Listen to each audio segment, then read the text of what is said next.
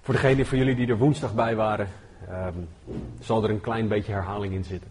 Ik kreeg eh, op vrij late termijn kreeg ik te horen dat Stan ziek was. Dus eh, ik had geen tijd om nog een complete nieuwe preek uit de grond te stampen. Dus ik ben verder gegaan op een stuk studie dat ik al, eh, waar ik al mee bezig was. Ehm, dus open vast je Bijbel op Exodus hoofdstuk 34.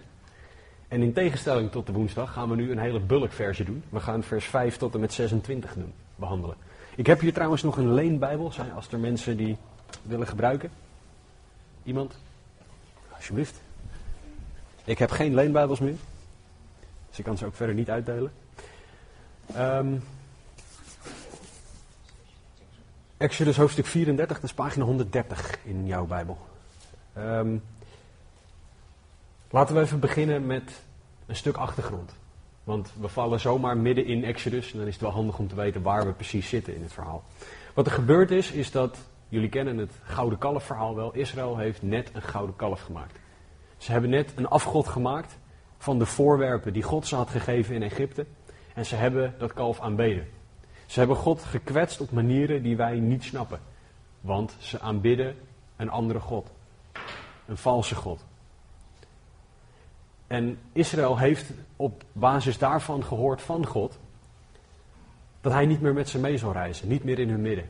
Hij zegt: Als ik bij jullie zou blijven, in jullie midden, zou ik jullie vernietigen. Want jullie lopen de hele tijd bij mij weg. Jullie houden je niet aan wat ik van jullie vraag. God heeft over Israël gezegd dat ze een halsstarrig volk zijn. Dat is zo'n oud Nederlands woord wat gewoon betekent dat ze hun nek stijf houden. Oftewel, ze buigen hun hoofd niet voor God, maar ze houden zich stijf. Zij zijn God, zij zelf maken de regels. En God heeft dat gezegd en Mozes gaat dan met God praten in hoofdstuk 33. Uh, hij is de leider van het volk, maar hij heeft geen enkele onderhandelingspositie. Het is niet zo dat Mozes kan zeggen: Ja, maar kijk, we hebben dat gedaan, maar als je kijkt naar alles wat we goed hebben gedaan, nou, dan, dan zit het wel goed. Dan zit het allemaal wel snor. Nee, dat he heeft Mozes niet. Hij heeft geen enkel recht waarop hij aanspraak kan maken, want ze falen continu. Ze waren nog geen paar dagen Egypte uit, ze waren nog geen paar dagen onder het juk van de slavernij uit en ze begonnen al te klagen. En continu doet Israël dat. Dus het enige wat Mozes heeft is God. Hij kan alleen maar zich beroepen op wie God is. En Mozes kent God. Mozes wandelt al jaren met God. En Mozes stelt een fantastische vraag, wat een hele studie op zich zou zijn, in Exodus 33, 18, namelijk Heere, toon mij uw heerlijkheid. En God gaat daar antwoord op geven. Het antwoord van God is dat hij Mozes zijn achterkant laat zien. En daar hebben we een hele interessante discussie gehad, over gehad een tijdje geleden op de woensdag. Over heeft God een daadwerkelijke achterkant of gebruikt hij woorden om, zodat wij kunnen snappen wat, wie hij is. Dat laat ik even in het midden. Ik hou het er gewoon op dat God zijn achterkant liet zien. Maar wat nog veel belangrijker is, is dat God zijn naam uitspreekt. En nu denk je misschien zijn naam uitspreekt. Ik bedoel, mijn naam is Casper, dat is allemaal niet zo heel bijzonder. Maar in de Bijbelse tijd zei een naam iets over wie de persoon was. Bijvoorbeeld de naam Jacob zei iets over wie Jacob was. Hij, was, hij greep de hiel vast, hij was een bedrieger. Nou, en zo zijn er heel veel namen in de Bijbel. En al die namen hebben een betekenis. Dus God die geeft zijn naam en daarmee geeft hij aan, dit ben ik. En dat is Gods antwoord op Mozes' vraag, toon mij toch uw heerlijkheid. God gaat neerdalen in een zichtbare vorm, een wolk. En hij passeert Mozes en spreekt zijn eigen naam uit. En daar vallen we binnen in het verhaal. En we gaan vers 5 tot en met 26 lezen. Als je denkt, waar gaat die kerel heen? Even wachten, ik, ik zal duidelijk maken waarom we dit stuk lezen.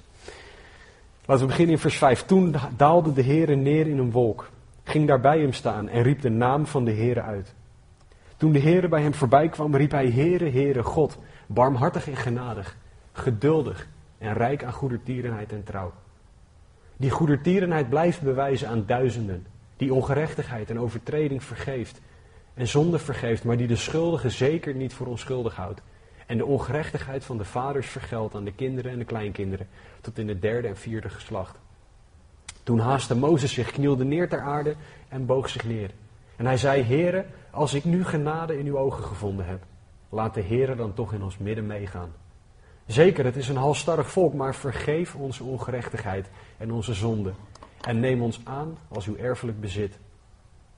Toen zei hij, zijn God, zie, ik sluit een verbond ten overstaan van heel uw volk. Zal ik wonderen doen, zoals die op de hele aarde en onder welk volk ook nog nooit tot stand gebracht zijn. Ja, heel dit volk, in het midden waarvan u verkeert, zal de daden van de Heere zien. Want het is ontzagwekkend wat ik met u ga doen. Houd u aan wat ik u heden gebied. Zie, ik zal de Amorieten, Canaanieten, Hethieten, Ferezieten, Hevieten en Jebusieten, allemaal dus, voor u uitdrijven. Wees op uw hoede dat u geen verbond sluit met de inwoners van het land waarin u komt. Anders zullen zij in uw midden tot een valstrik worden. Maar hun altaren moet u afbreken, hun gewijde stenen in stukken slaan en hun gewijde palen omhakken. Want u mag zich niet neerbuigen voor een andere God. De naam van de Heere is immers de naijverige. Een naijverige God is Hij. Anders sluit u misschien een verbond met de inwoners van het land. Wanneer zij immers als in hoererij achter hun goden aangaan en aan hun goden offers brengen, zou men u kunnen uitnodigen en zou u van hun offer eten. Dan zou u van hun dochters vrouwen nemen voor uw zonen. Hun dochters zouden als in hoererij achter hun goden aangaan en uw zonen als in hoererij achter hun goden aan laten gaan. U mag geen gegoten goden maken. Het feest van de ongezuurde broden moet u in acht nemen. Zeven dagen lang moet u ongezuurde broden eten, zoals ik u geboden heb. Op de vastgestelde tijd in de maand Abib, want in de maand Abib bent u uit Egypte vertrokken. Alles wat, uit de, wat de baarmoeder opent, behoort mij toe.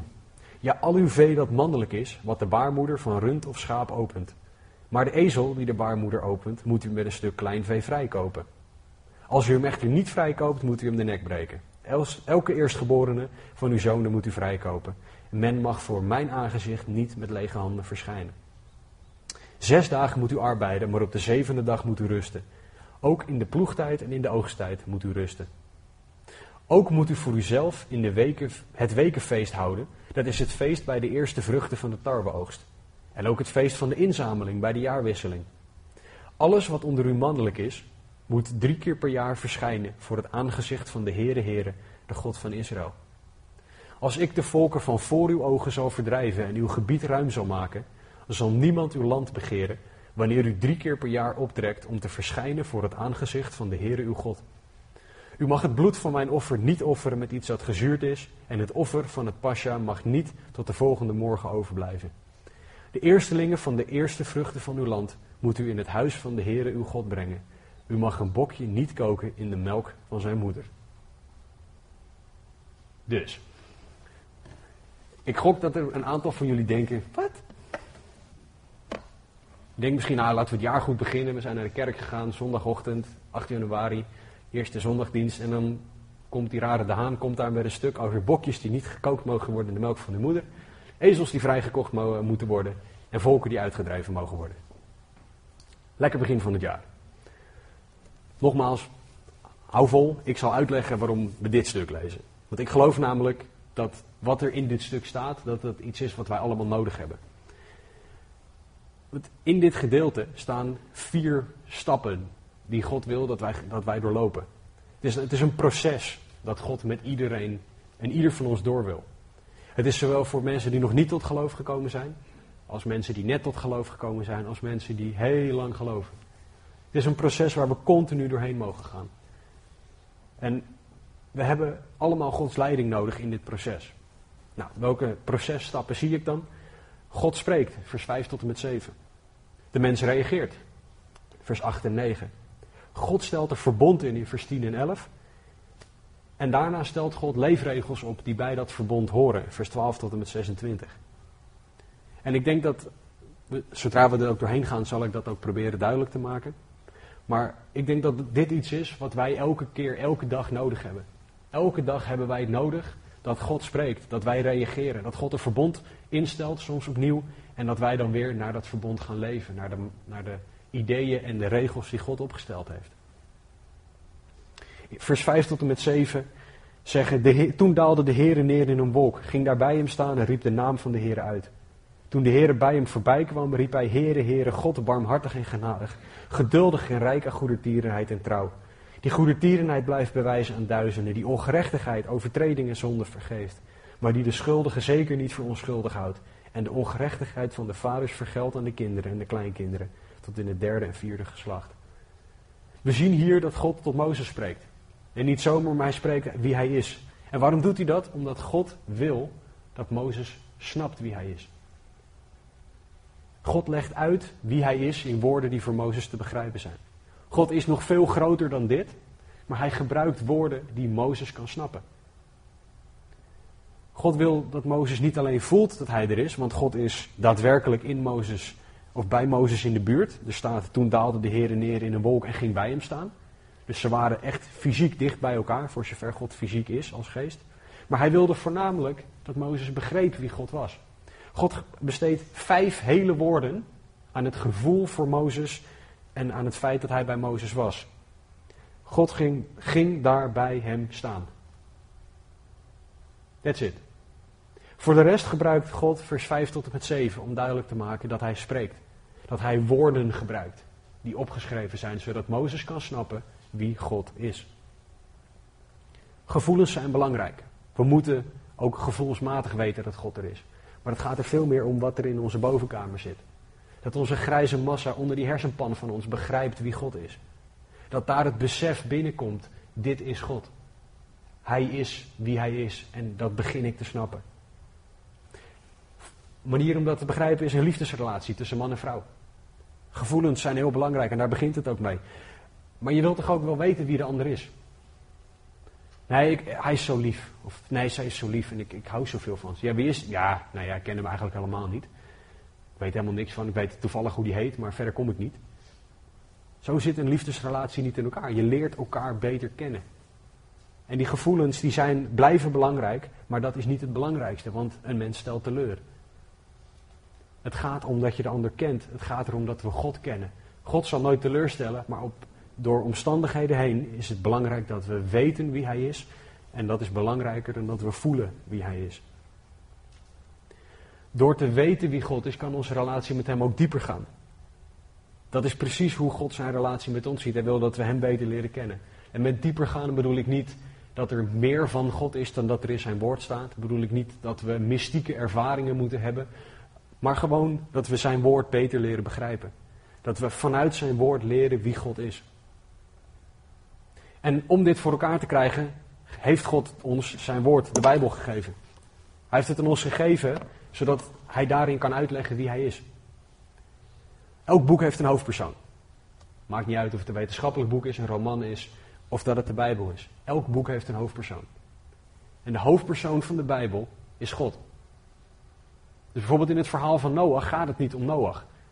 Het heet wel het verhaal van Noach, voor ons. Maar God is de hoofdpersoon. Want God doet daar allemaal wonderbaarlijke dingen. Niet Noach. Hij bouwt slechts een ark. Maar God doet de rest. In elk gedeelte van de Bijbel is God de hoofdpersoon. Dit boek gaat over wie God is, over zijn werk, over hoe hij is, over hoe hij met ons om wil gaan, hoe hij wil dat wij met hem omgaan. De Bijbel is Gods gesproken woord opgeschreven. En wij mogen het bestuderen. En heel vaak willen mensen um, Gods stem verstaan. Heer, wat wilt u voor mijn leven? Heel vaak willen we ehm, God leren kennen. Heer, laat u zelf zien. Vaak willen we Gods beloftes leren kennen. We willen God beter leren kennen. Maar we willen dat God dan tot ons spreekt. En dan verwachten we een stem uit de hemel. Heb ik ook gedaan. Heer, spreek nou alstublieft. Heer, ik hoor u niet. Terwijl ondertussen naast mij op mijn nachtkastje mijn Bijbel lag. Waarin continu staat dat God spreekt. De Bijbel is de belangrijkste manier waarop God tot de mens spreekt. De Bijbel is onze bron van fundamentele waarheid, de rots waarop wij kunnen staan. Als alles wegvalt, kunnen we altijd blijven staan op de waarheid van het woord. Het boek waarin God uitlegt wie Hij is, wat zijn wil is, wat zijn karakter is. Gewoon, God legt uit wie Hij is. Dus als je Gods stem wil verstaan, lees de Bijbel. Als je God wil leren kennen, lees de Bijbel. Als je God wil leren kennen, beter wil leren kennen, lees de Bijbel. Als je Gods beloftes wil leren kennen, lees de Bijbel. Als je wil lezen over redding, genade, het kruis, liefde, barmhartigheid, noem het allemaal maar op, lees de Bijbel. Daarin spreekt God. Johannes 1, vers 1 tot en met 3 zeggen, in het begin was het woord. Het woord was bij God en het woord was God. Dit was in het begin bij God en alle dingen zijn door het woord gemaakt. Zonder dit woord is geen ding gemaakt dat gemaakt is.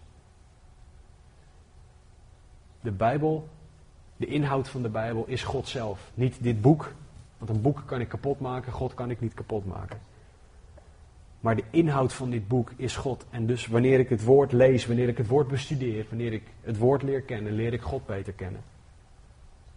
En dat hoort te beginnen bij wie God is, bij, zijn karakter. En God spreekt daarover. Hij zegt in Exodus 34:6: Heere, Heere, God barmhartig en genadig, geduldig en rijk aan goedertierenheid en trouw. Dat is wat God zegt. Hij zegt, dat ben ik. Zo spreekt hij tot ons. Dat is zijn karakter. En alles hangt af van hem, van dat karakter. Want als alles gemaakt is door hem en voor hem, dan moeten we ook daar beginnen. Hij is het begin en het einde. Dan moeten we beginnen bij wie God is. En God zegt hier dat hij barmhartig is. Barmhartigheid is een van die woorden waarvan we nooit zo heel goed weten wat het nou betekent. We gebruiken het vaak, of vaak, we gebruiken het wel eens in een zin, maar wat betekent het nou? Het, barmhartigheid betekent dat je iets niet krijgt wat je wel verdient. Dus als je schuldig bent, kan de rechter barmhartigheid aan jou bewijzen door je niet de straf te geven die je wel verdient. Dat is barmhartigheid. Dus als God niet barmhartig zou zijn, dan zouden wij als mensen nog steeds schuldig zijn aan de zonde die wij begaan. En voor de duidelijkheid, elk mens komt tekort wanneer we God standaard neerleggen. Misschien zeg je, ja, ik ben een goed mens. Dat kan, maar dan ben je een goede zondaar. We zijn allemaal zondaren. De een misschien wat beter dan de ander, maar we zijn allemaal zondaren. En alle zondaren hebben Gods barmhartigheid nodig. God begint met barmhartigheid. Je krijgt niet wat je wel verdient. Daarna zegt hij, ik ben ook nog genadig. Dus je krijgt iets wel wat je niet verdient. Dat is het kruis van Jezus, het bloed van Jezus, vergeving door Jezus Christus. Als God niet genadig zou zijn, dan krijgen we misschien de straf wel niet, dan zijn we nog steeds schuldig. Dan bestaat de zonde nog steeds en zonde brengt scheiding tussen God en mens. Dus we hebben niks, klinkt misschien een beetje raar, maar we hebben niks aan barmhartigheid alleen. We hebben Gods barmhartigheid en Gods genade nodig en Hij geeft allebei. Het is zo geweldig dat God spreekt dat Hij dit allemaal uitlegt. Daarbovenop, als het al niet genoeg zou zijn, Gods barmhartigheid en genade, zegt hij ook nog: Ik ben geduldig, rijk Oftewel overvloedig aan goede tierenheid en trouw. En dan heeft hij eigenlijk nog een lijst daarna die nog langer doorgaat. Er is geen mens op deze aardbol die kan claimen al deze eigenschappen te hebben. Maar God kan dat wel. Daarom moeten we bij God beginnen. Zijn woord bewijst. Hij bewijst elke dag dat hij deze eigenschappen heeft. God is barmhartig, God is genadig, God is geduldig, God is overvloedig aan goede tierenheid en trouw. Dus de basis van onze interactie met God, de basis voor dit jaar, voor 2017, moet zijn dat God spreekt en dat we daarvan uitgaan. Maar de vraag is dan, geloof je ook wat hij zegt? Of doe je aan wat ze zo mooi in het Engels cherrypicking noemen? Oftewel, ik haal dat eruit en ik haal dat eruit.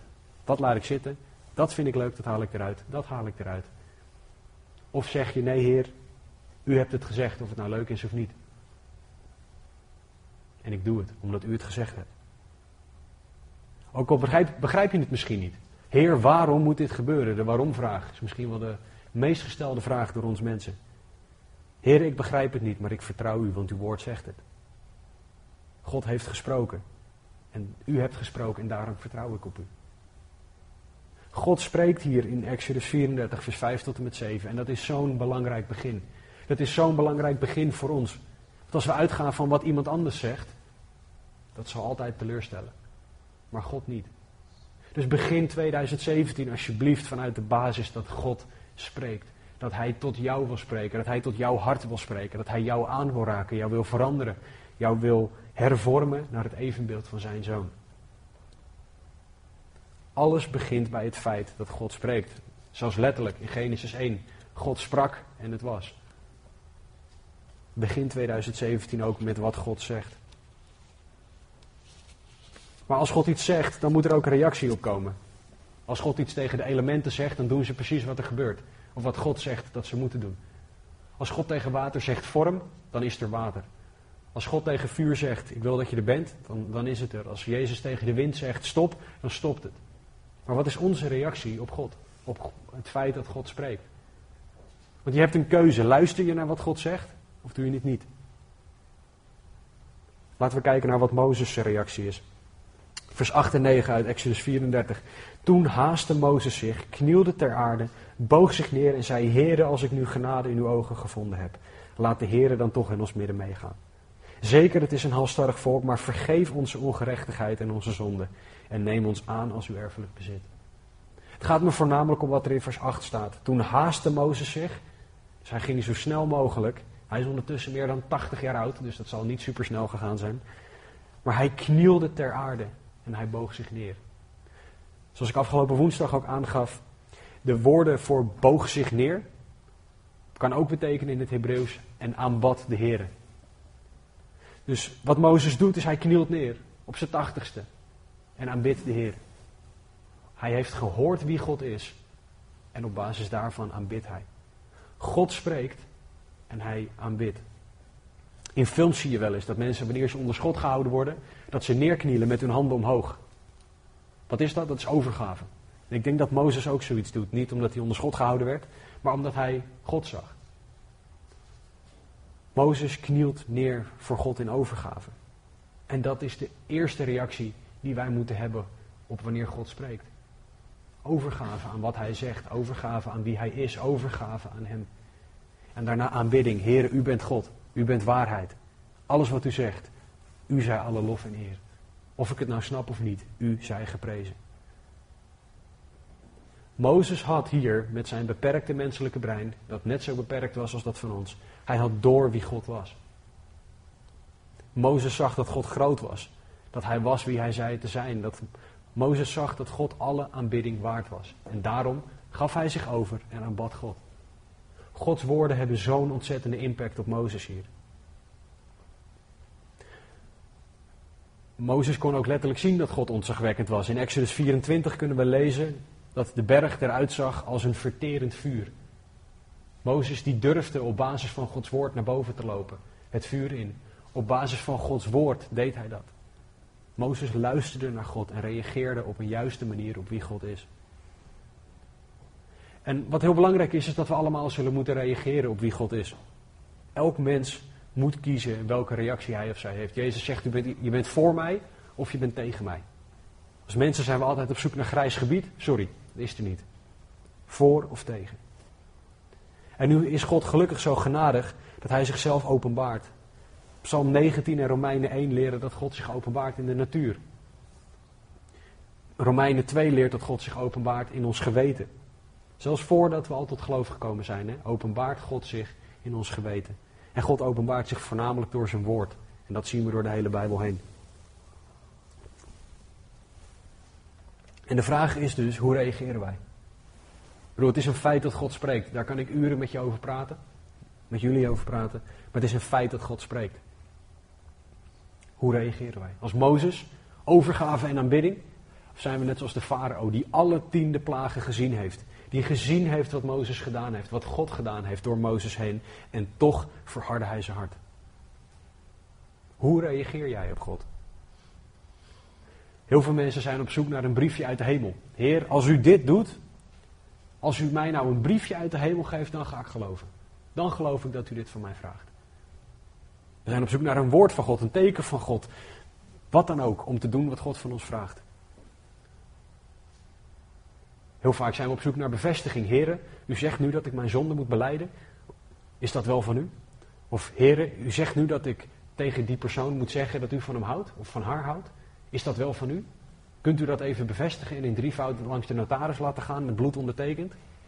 Zo denk ik dan vaak. In dat soort extreme heren, bevestig het alstublieft. We moeten gewoon geloven wat God zegt. Geloven en doen. Geloven en luisteren. Geloven en overgeven en aanbidden. God spreekt en hij vereist een reactie van de mens. En wat is jouw reactie dan? Wat is jouw reactie op God die spreekt? We hebben de eerste twee stappen van het proces nu gehad. We hebben gezien dat God zal spreken. We hebben gezien dat God op basis van wat hij zegt ook een reactie van ons verwacht. En op basis van Mozes' reactie, overgave en aanbidding, doet God iets heel bijzonders in vers 10 en 11. Hij zegt, zie, ik sluit een verbond. En dat verbond heeft allemaal details, die allemaal geweldig zijn, maar het gaat erom dat God een verbond sluit. Vandalen vertaalt, eh, zegt dat een synoniem voor een verbond een overeenkomst is. Dat gaat niet helemaal op, want een overeenkomst gaat ervan uit dat je kan onderhandelen. Een overeenkomst sluit je met je werkgever. Nou, jij zegt dat ik x mag verdienen, maar ik wil x plus 10. Of x plus 5 of x min 5 als je heel bijzonder bent. Ehm, maar dit is een verbond dat bij God begint. David Guzik legt het als volgt uit. Dit was Gods verbond. Israël werd alleen uitgenodigd om deel te nemen. Hij onderhandelde niet over de voorwaarden met Israël. In plaats daarvan dicteerde hij de voorwaarden aan het volk Israël door Mozes heen. God zegt: Dit is het. Take it or leave it. Je kan het aannemen of je kan het afwijzen. Dat zijn je enige twee opties. En dat is precies hoe God werkt. God werkt in zwart en in wit. In licht en in duisternis. Niet in schaduw. Wij willen schaduw, wij willen grijs, wij willen. We vinden het zo hard. Zwart-wit. Maar zo werkt God. Zo hard en daarom ook zo simpel is het. God dicteert in vers 10 en 11 dat hij dingen gaat doen. Hij gaat dingen doen om Israël te zegenen. En daarna dicteert hij de leefregels die bij dat verbond horen. God zal zich altijd aan zijn kant van het verbond houden. Altijd. Of wij, of Israël het nou laat zitten of niet. Of Israël faalt of niet, uh, God zal altijd zich aan het verbond houden. God kan niet liegen, zegt nummer 23, 19. Dus als God zegt, ik ga dit doen, dan gaat het gebeuren. Daar kunnen we 100% zeker van zijn. Maar wat ook heel mooi is, is dat God leefregels zegt. Hij zegt in vers 11, houd u aan wat ik u heden gebied. Ai, dat vinden we nooit zo leuk. Want dat betekent dat we dingen moeten doen en dat er verantwoordelijkheid bij komt kijken. Dus wat God ook doet, dit is een samenvatting van eerdere regels die hij gegeven heeft, is hij stuurt ook gelijk een offersysteem onze kant op. Hij weet namelijk, ik stel regels op, maar jullie kunnen ze toch niet houden. Dus ik geef jullie vast de, de richtlijnen voor hoe je het weer recht kan breien tussen jou en mij. God die stelt het offersysteem in vanaf Exodus 25. Hij kent de mens zo ontzettend goed. Hij weet dat wij falen en dat we zijn verbond zullen breken. En daarom geeft hij ook gelijk de manier om het weer te herstellen. Het doel van dit verbond is niet alleen Israël. Ik liet er straks nog aan Joram en Naomi zien dat ik iets gedaan heb wat eigenlijk niet mag volgens de Bijbel. Ik heb woorden uitgekrast in mijn Bijbel. Openbaring zegt dat als je afdoet aan het woord van de Heer, dan heb je een probleem. Deze keer vond ik het gerechtvaardigd en ik zal uitleggen waarom. In hoofdstuk, of vers 10 staat dat God wonderen zal doen zoals die op de hele aarde en onder welk volk ook nog nooit tot stand gebracht zijn. En de herziene statenvertaling zegt, ja heel dit volk in het midden waarvan u verkeert zal de daden van de Heer zien. Dat impliceert dat God twee keer zegt dat Israël zal genieten van de wonderen van God. Maar als je naar het Hebreeuws kijkt, het originele Hebreeuws, ik lees het niet zo goed, ik heb daar gelukkig vertaaltools voor. Um, maar dan staat er alle volken in de plaats van heel dit volk. Dus aan het einde van het vers staat er, als ik het Hebreeuws erbij pak, ja, alle volken in het midden waarvan u verkeert, zullen de daden van de Heere zien. Want het is ontzagwekkend wat ik met u ga doen. Wat dat betekent is dat God begint met, ik zal u zegenen, zegt hij tegen Israël. En daarna zegt hij, de rest van de volken om jullie heen zullen ook zien wie ik ben. Oftewel, Gods zegen gaat veel verder dan alleen Israël. Het gaat naar de rest van de wereld. En daar mogen wij van genieten hier vanochtend. Dus Gods verbond gaat verder dan alleen Israël. Hij zegent verder dan alleen Israël. Dus Mozes vraagt om Gods aangezicht te zien. Hij vraagt, heren, laat me alsjeblieft zien wie u bent. En wat doet God dan? Hij gaat, dat is echt bizar. God zegent Mozes door zichzelf te laten zien, door zijn naam uit te spreken, door een nieuw verbond in te stellen, waarmee hij Israël zegent en de rest van de wereld zegent. Mozes vraagt om, tussen aanhalingstekens, zo'n kleine zegen. En God geeft hem dit. Zo werkt God. God geeft overvloedig veel meer dan dat wij kunnen bidden of beseffen. Dat is wat de Heer God doet. En door de eeuwen heen is Gods verbond bij ons terechtgekomen. God heeft zijn woord bewaard. God heeft Israël bewaard, die het Oude Testament voor ons hebben opgeschreven, die het bewaard hebben. God heeft laten opschrijven wat hij gedaan heeft, wat hij gezegd heeft, wie hij is. Hij is zo groot. Zijn wegen en zijn plannen gaan verder dan dat wij ooit hadden kunnen dromen. Dus God stelt hier een verbond in, niet alleen met Israël, maar ook met ons. Dus aan het begin van 2017 wil hij ook met jou en met mij een verbond instellen. Zijn woord staat vol over wat het verbond is. In Matthäus 26, vers 26 tot en met 28 stelt Jezus een nieuwe verbond in. We lezen het zo vaak wanneer we heilige avondmaal vieren. Jezus zegt, dit is het nieuwe verbond dat in mijn bloed zit. Dat door mijn bloed bij jullie kan komen. Dat is het nieuwe verbond waardoor wij bij God mogen komen. En dat wil hij elke dag opnieuw vernieuwen naar jou en naar mij toe. Het is niet zo dat Jezus elke keer opnieuw stierf. Hij droeg één keer de prijs voor alle zonden. Maar God wil dat wij elke dag opnieuw herinnerd worden aan dat verbond. Elke dag opnieuw de stap zetten om daarnaar te leven. De enige manier waarop dat kan, is door iemand die de prijs kon betalen voor onze zonden. En dat is Jezus. Onze zonden waren tegen een eeuwige God, zegt Psalm 51. Dus dan hebben ze een eeuwige consequentie. En wij kunnen niet voor iets eeuwigs betalen. Dat kan alleen Jezus. Hij droeg de straf één keer aan het kruis voor jou en voor mij. En met zijn bloed stelde hij het nieuwe verbond in, wat, waar wij 2017, 8 januari 2017 van mogen genieten. Het verbond wat wij mogen volgen. Dus God spreekt over wie hij is. God krijgt de reactie van de mens. En op basis van die reactie stelt hij een verbond in wat wij mogen houden. Kunnen we dat zelf, dat verbond houden? Nee. Daarvoor hebben we het offer van Jezus Christus. Daarvoor hebben we de werking van de Heilige Geest. Hij doet zijn werk in en door ons heen, zodat wij dat verbond kunnen houden. God sluit een verbond met jou. Neem jij het aan of wijs je het af? Het laatste gedeelte van Exodus 34 is dat God instelt hoe Hij wil dat we leven wanneer we dat verbond aannemen. Want op het moment dat God dicteert, dit is het verbond, dan heeft Hij ook het recht om te dicteren, ik wil dat je zo leeft. En het verbond met God houdt in dat Israël zich gaat gedragen op een manier die God eert. Dat ze doen wat Hij hen gebiedt. God doet dit niet omdat hij het leuk vindt om regels op te leggen. Of omdat hij gewoon een keiharde God is die nou, ik hou, regels zijn leuk, dus dat doe ik nou eenmaal. God doet dit om Israël te laten zien wie hij is. Door alle regels heen kunnen we dat zien. Hij wil dat Israël anders is ook dan de hen heen. Dat ze weer spiegelen wie hij is. Klinkt bekend volgens mij. Het Nieuwe Testament zegt, wordt niet gelijkvormig aan deze wereld. Wordt continu wordt dat herhaald. Wij moeten anders zijn dan deze wereld. Wij moeten hervormd worden door de vernieuwing van ons denken. Wij moeten anders zijn dan de wereld. God wil dat wij weerspiegelen wie hij is. Het verbond is in het Oude en in het Nieuwe Testament is gelijk. Alleen Jezus is degene die verandering gebracht heeft. En nu zeg je misschien, ja, maar God die vertelt ons alleen maar dingen die we niet mogen. Dat is niet leuk. Dat is saai en dat is vervelend. En God is gewoon alleen maar een God van dingen die je niet mag. Weet je, een van de omschrijvingen die God zichzelf geeft is een vader. Hij is een liefdevolle vader. Hij zegt in Malachi 2.10 dat hij een liefdevolle vader is. Ik ben sinds kort ook vader. En ik ga als saaie vader dat ik ben, mijn dochter een hele hoop dingen vertellen die ze niet mag doen.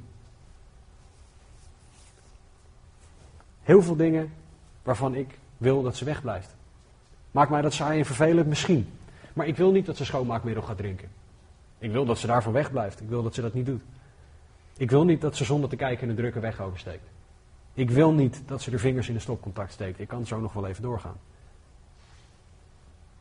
Dat is wat God doet. Hij zegt: Ik wil niet dat jullie dingen doen die jezelf pijn doet. Dat is precies wat God doet. Op, hij zegt: Ik wil niet dat jullie schoonmaakmiddel drinken. Ik wil niet dat jullie deze dingen doen. Ik wil dat jullie de dingen doen die goed voor jou zijn. God heeft het allerbeste met ons voor. Het is niet dat God Nee, nee, want ik wil je daar weghouden gewoon omdat ik het wil. Nee, hij heeft het allerbeste met ons voor. Hij is de perfecte vader die zijn kinderen de juiste weg op wil hebben. Hij is de vader die, die weet wat het allerbeste is voor zijn kinderen. En als je je afvraagt, staat hij nou uit zijn nek te zwammen? Israël bestaat nog steeds. Dat klinkt misschien als een heel, heel raar statement. Maar de Babyloniërs bestaan niet meer. De oude Egyptenaren bestaan niet meer. De Romeinen bestaan niet meer. De Grieken bestaan niet meer. Door al die beschavingen heen bestaat Israël nog. omdat zij Gods volk zijn en omdat zij regels van God gekregen hebben om te zijn zoals Hij wil dat ze zijn. Maakt dat ze perfect? Nee. Zijn zij zondig? Ja.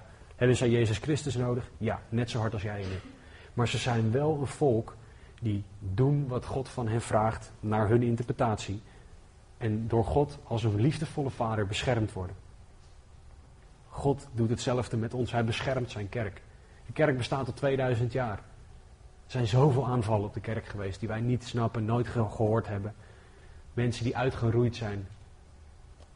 Alles hebben we meegemaakt en toch zijn we er nog. God beschermt. Hij vertelt ons dingen die we moeten doen en dingen die we moeten laten, omdat het goed is voor ons. En God legt de dingen op aan Israël om ze dichter naar zichzelf toe te brengen. Dus dit verbond is niet alleen dat, dat hij geeft als liefdevolle vader, maar ook, ik wil dat jullie bij mij kunnen zijn. Jesaja 59 leert dat zonde scheiding brengt tussen mens en God. En om dat tegen te kunnen gaan, moeten we ons houden aan wat God zegt. Psalm 16:11 leert dat in Gods aanwezigheid volledige vreugde is. Psalm 32:7 leert dat God een schuilplaats is. Psalm 34 leert dat God hen verlost die hem aanroepen. Psalm 73:17 leert dat in Gods aanwezigheid we dingen in het juiste perspectief gaan zien. Namelijk Gods perspectief. En Psalm 73:28 leert dat het goed is voor de mensen om in Gods aanwezigheid te zijn. Dit zijn slechts vijf voorbeelden uit de psalmen die vertellen over hoe goed het is om in Gods aanwezigheid te zijn. En de enige manier om daar te komen is door te doen wat God van ons vraagt. De God die het allerbeste met ons voor heeft. De God die wil dat wij, dat wij reageren op wat Hij zegt. De God die tot ons spreekt. Dus we gaan nu gaan we kort door de versen 12 tot en met 26 heen en hou in gedachten dat dit allemaal dingen zijn die God zegt. Die voor de, voor de goed voor Israël zijn. God wil geen verbonden tussen Israël en de volken en het beloofde land. Hij zegt het volgende. Hij zegt: Wees op uw hoede dat u geen verbond sluit met de inwoners van het land waarin u komt. Anders zullen zij in uw midden tot een valstrik worden. Zie je weer iets wat goed is voor Israël. God wil niet dat Israël struikelt. Maar hun altaren moet u afbreken, hun gewijde stenen in stukken slaan, hun gewijde palen omhakken. U mag zich niet neerbuigen voor een andere God. De naam van de Heere is immers de naijverige. Een naijverige God is hij. Anders sluit u misschien een verbond met de inwoners van het land. Wanneer zij immers als in hoererij achter hun goden aangaan en aan hun goden offers brengen, zou men u kunnen uitnodigen en u zou van hun offers eten. Dan zou u hun dochters vrouwen nemen, dan zou sorry, u van hun dochters vrouwen nemen voor uw zonen. Hun dochters zouden als in hoererij achter hun goden aangaan en uw zonen als in hoererij achter hun goden aan laten gaan. God wil niet dat Israël andere goden aanbidt, omdat God een betere God is. Bijvoorbeeld de god Moloch, een van de goden die wel eens genoemd wordt. Een van de dingen die er gebeurde in tussen aanhalingstekens aanbidding voor Moloch, naast alle seksuele aspecten, was dat ze pasgeboren baby's in een koperen beeld gooiden wat ze opwarmden. Vaak was dat een stier. En dan warmden ze die stier op. Gewoon zetten ze er een vuur onder. Dan werd het zacht en dan gooiden ze er baby's in. Wat ze dan deden, is dat ze daarnaast heel hard gingen zingen en gillen, om maar het gillen van die baby's niet te hoeven horen. Maar dat is één van de manieren waarop de goden van het land aanbeden werden. Dat is iets waar God nooit en ten nimmer achter kan staan. Dat is iets wat afschuwelijk is in de ogen van God. En zo zijn er nog tientallen voorbeelden van de manieren waarop die goden aanbeden werden die niet door Gods beugel kunnen. God zegt, ik wil niet dat je een andere God aanbidt, want ik ben God. God wil dat Israël hem alleen aanbidt. Jesaja 43:7 leert dat de mens geschapen is om God eer te brengen. Niet om Moloch eer te brengen, niet om Baal eer te brengen, niet om wie dan ook. Maar God en God alleen. Het doel van jouw leven op deze aarde is om God eer te geven. Zo simpel en zo moeilijk tegelijk. Want de reden dat het moeilijk is, is dat wij vaak dingen boven God plaatsen. Werk, carrière, geld, kinderen, je vrouw of man, luxe, seks, drugs, voetbal, fit zijn, whatever. Vul het maar in. Alles wat wij boven God plaatsen. Uitslapen is er ook zo eentje. Alle dingen die wij boven God plaatsen, zijn een afgod voor ons. God wil dat wij ons alleen neerbuigen voor Hem. God wil dat wij alleen de Here aanbidden. Hij is een naijverige God, oftewel Hij wil al onze tijd hebben. Hij wil al onze energie hebben. Hij wil ons alles hebben. Hij wil niet dat er nog een klein dingetje over is dat we bij iemand anders neerleggen. Ward Wearsby omschrijft het zo. God herinnerde Mozes aan de zonde van afgoderij. Wat is afgoderij? Het vervangen van de glorie van de onvergankelijke God voor een beeld. De schepping aanbidden in de plaats van de schepper. Dat is afgoderij. Op het moment dat jij iets boven God plaatst, iemand boven God plaatst, dan is het afgoderij. Dan moet je terug naar wat God spreekt. Dan moet je reageren op wat God spreekt. Moet je zijn verbond opnieuw aannemen en gaan leven naar zijn verbond. Zie je langzamerhand hoe die vier stappen werken? Continu moeten wij teruggaan naar wat God zegt. Dan moeten wij daar weer op reageren. Dan stelt God opnieuw het verbond in door het bloed van Jezus Christus. En dan mogen wij weer gaan leven naar dat verbond. Die stappen komen continu terug elke dag in ons leven. Vers 17 zegt, u mag geen gegoten goden maken. God wil niet dat er een beeld gemaakt wordt en dat dat beeld dan ook nog eens aanbeden wordt. God, ik denk dat God heel bewust een God is die we niet kunnen zien, omdat we hem dan ook niet kunnen vatten. Hij is groter dan dat wij kunnen begrijpen. Als wij God namelijk kunnen uitbeelden, kunnen we hem in een hokje stoppen. Maria bijvoorbeeld, een, een beeld van Maria kunnen wij in een hokje stoppen. Um, Boeddha kunnen wij in een hokje stoppen.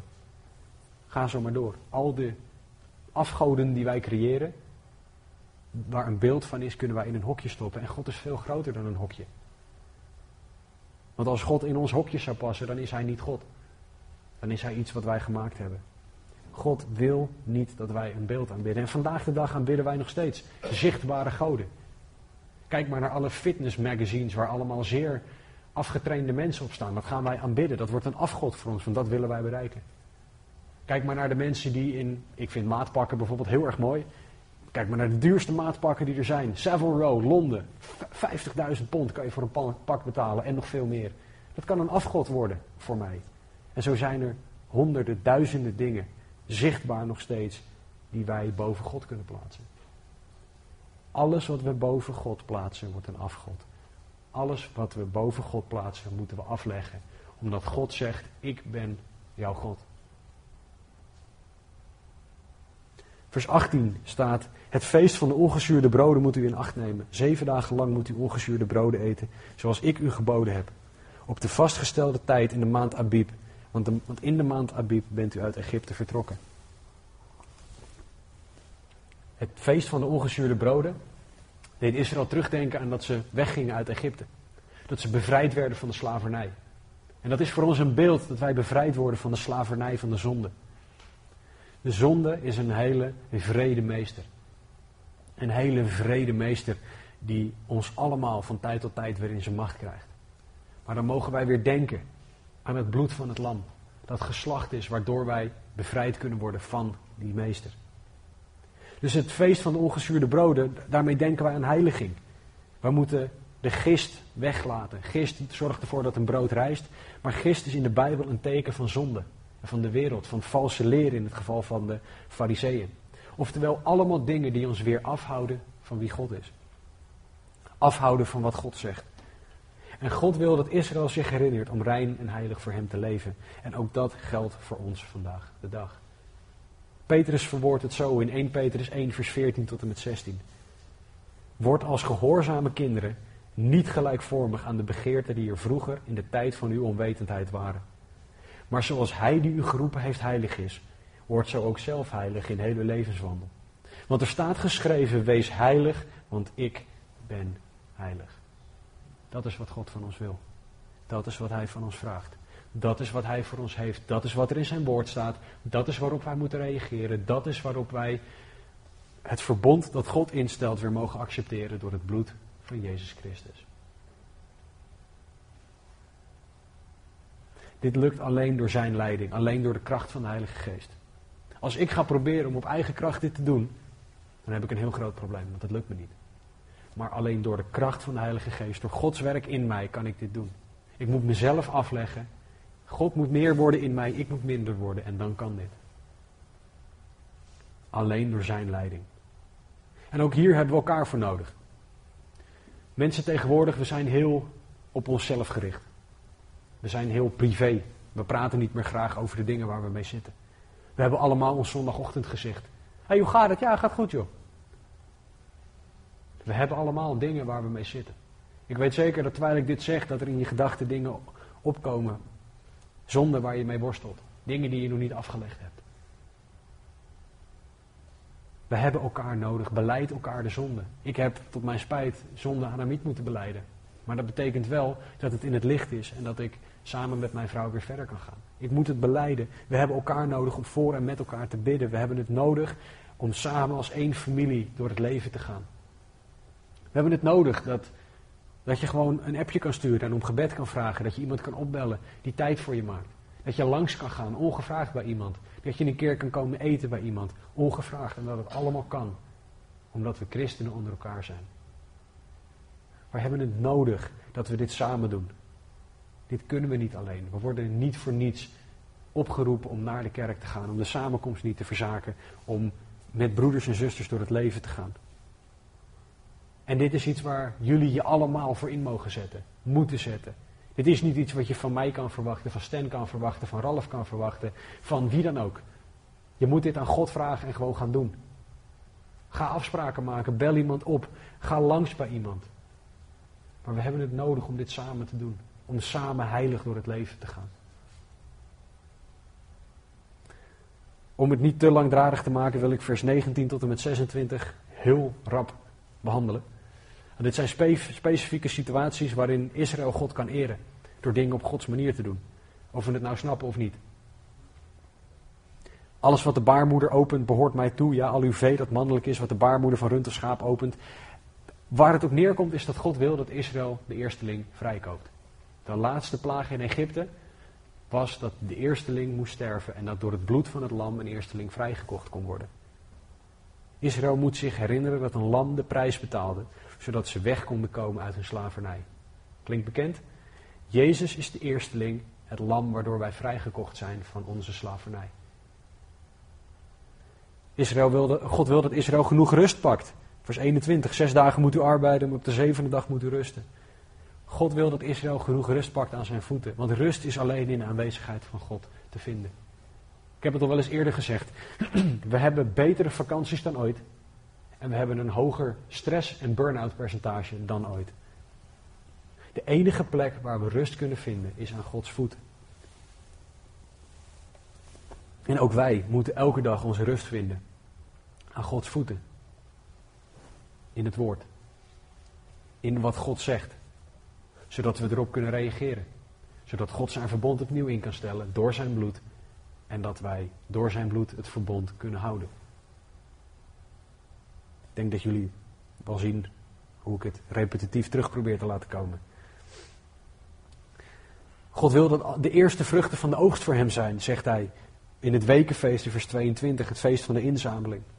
God wil dat we teruggeven van de dingen die hij ons geeft. Een van de redenen dat we een collecte ophalen. Dat je mag geven aan de Heer. Maar ook in je tijd, in je energie, in je gedachten. Dat je aan God denkt in de plaats van aan je werk. Dat je in de plaats van continu op je telefoon te spelen, een keer met God in gebed staat in de lift. Ik probeer mezelf dat aan te leren. Ik werk op de derde verdieping van een gebouw en ik moet best wel vaak naar de begane grond. Dat is een heel eind hoor. Dat is heel lang. Ik kan gewoon die tijd gebruiken om te bidden. In de plaats van op mijn telefoon net een app op kunnen starten en dan ben ik beneden en dan kan ik hem alweer afsluiten. Ik kan beter die tijd gebruiken om te bidden en de Heer te zoeken. Waar besteed ik de tijd aan, de, de middelen aan die God mij geeft. God kent ons heel goed trouwens. In vers 23 zegt hij: Alles wat mannelijk onder u is, moet drie keer per jaar verschijnen voor het aangezicht van de Heer. Oftewel, hij weet dat als hij dat niet zegt, dat we het niet doen. Het is niet voor niets dat het woord zegt in Hebreeën: verzaak de samenkomst niet. Want God weet dat wij dat doen. God kent ons.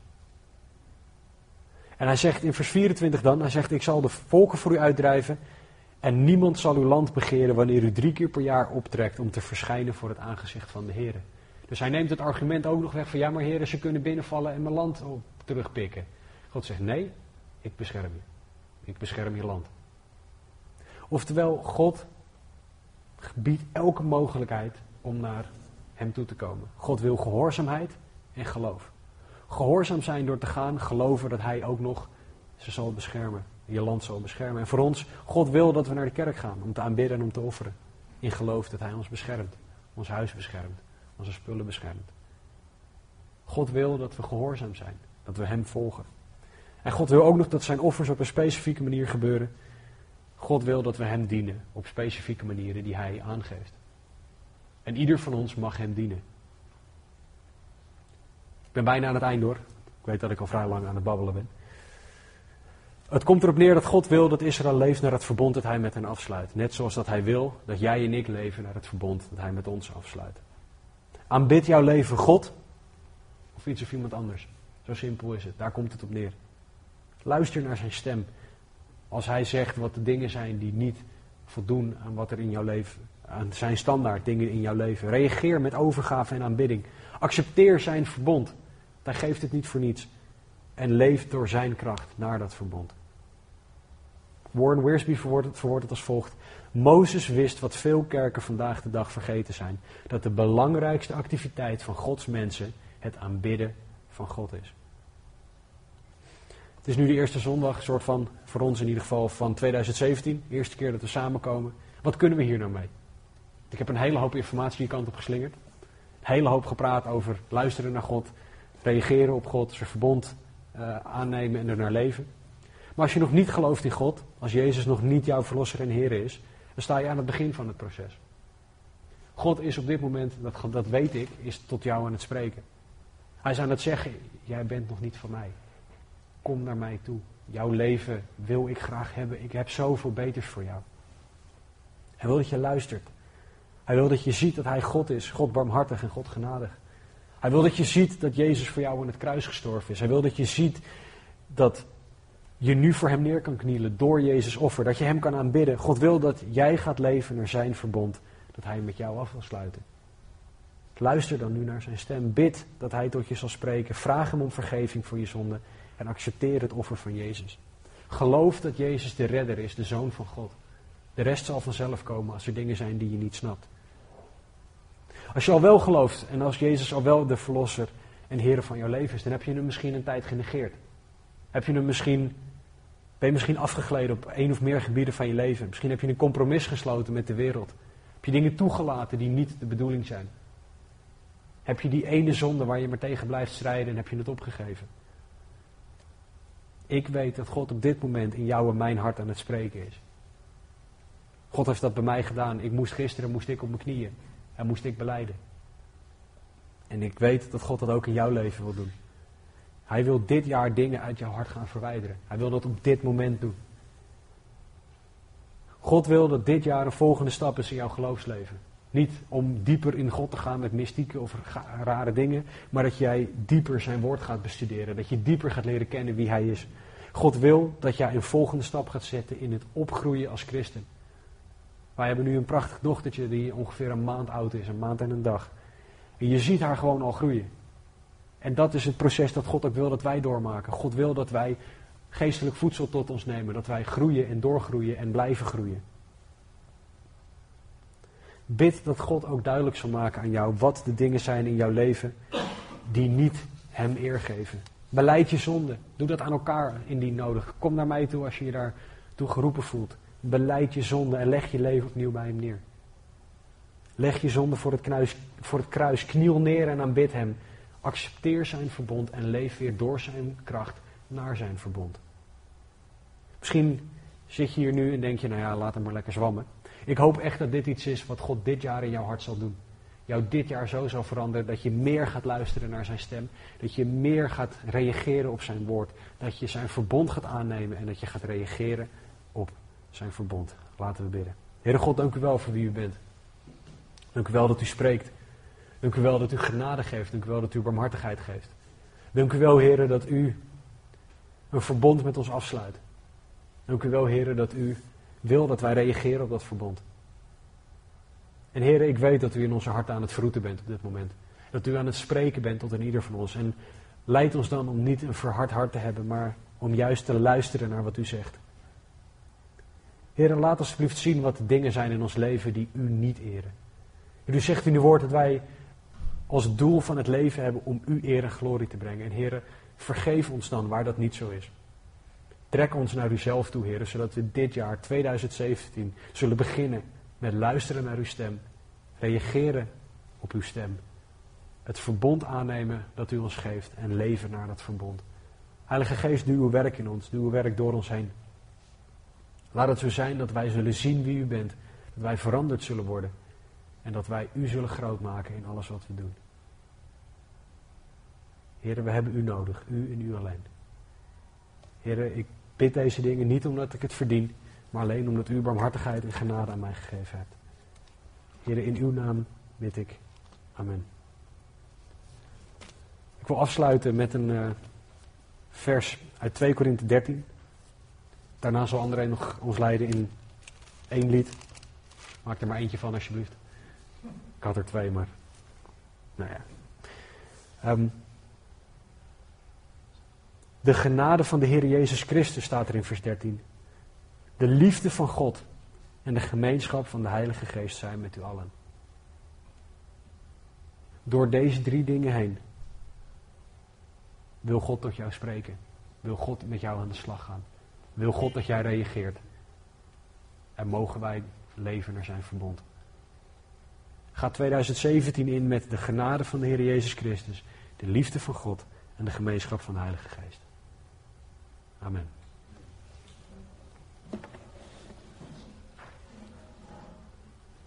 En terwijl, we, terwijl André zijn instrument pakt, bid alsjeblieft.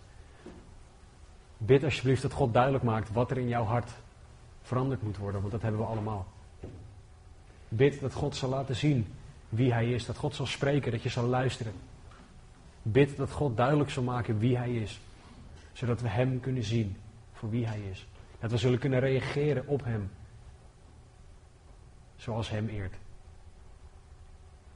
Bid gewoon alsjeblieft dat God zichzelf zal laten zien en dat jij zal reageren zoals Hem eert.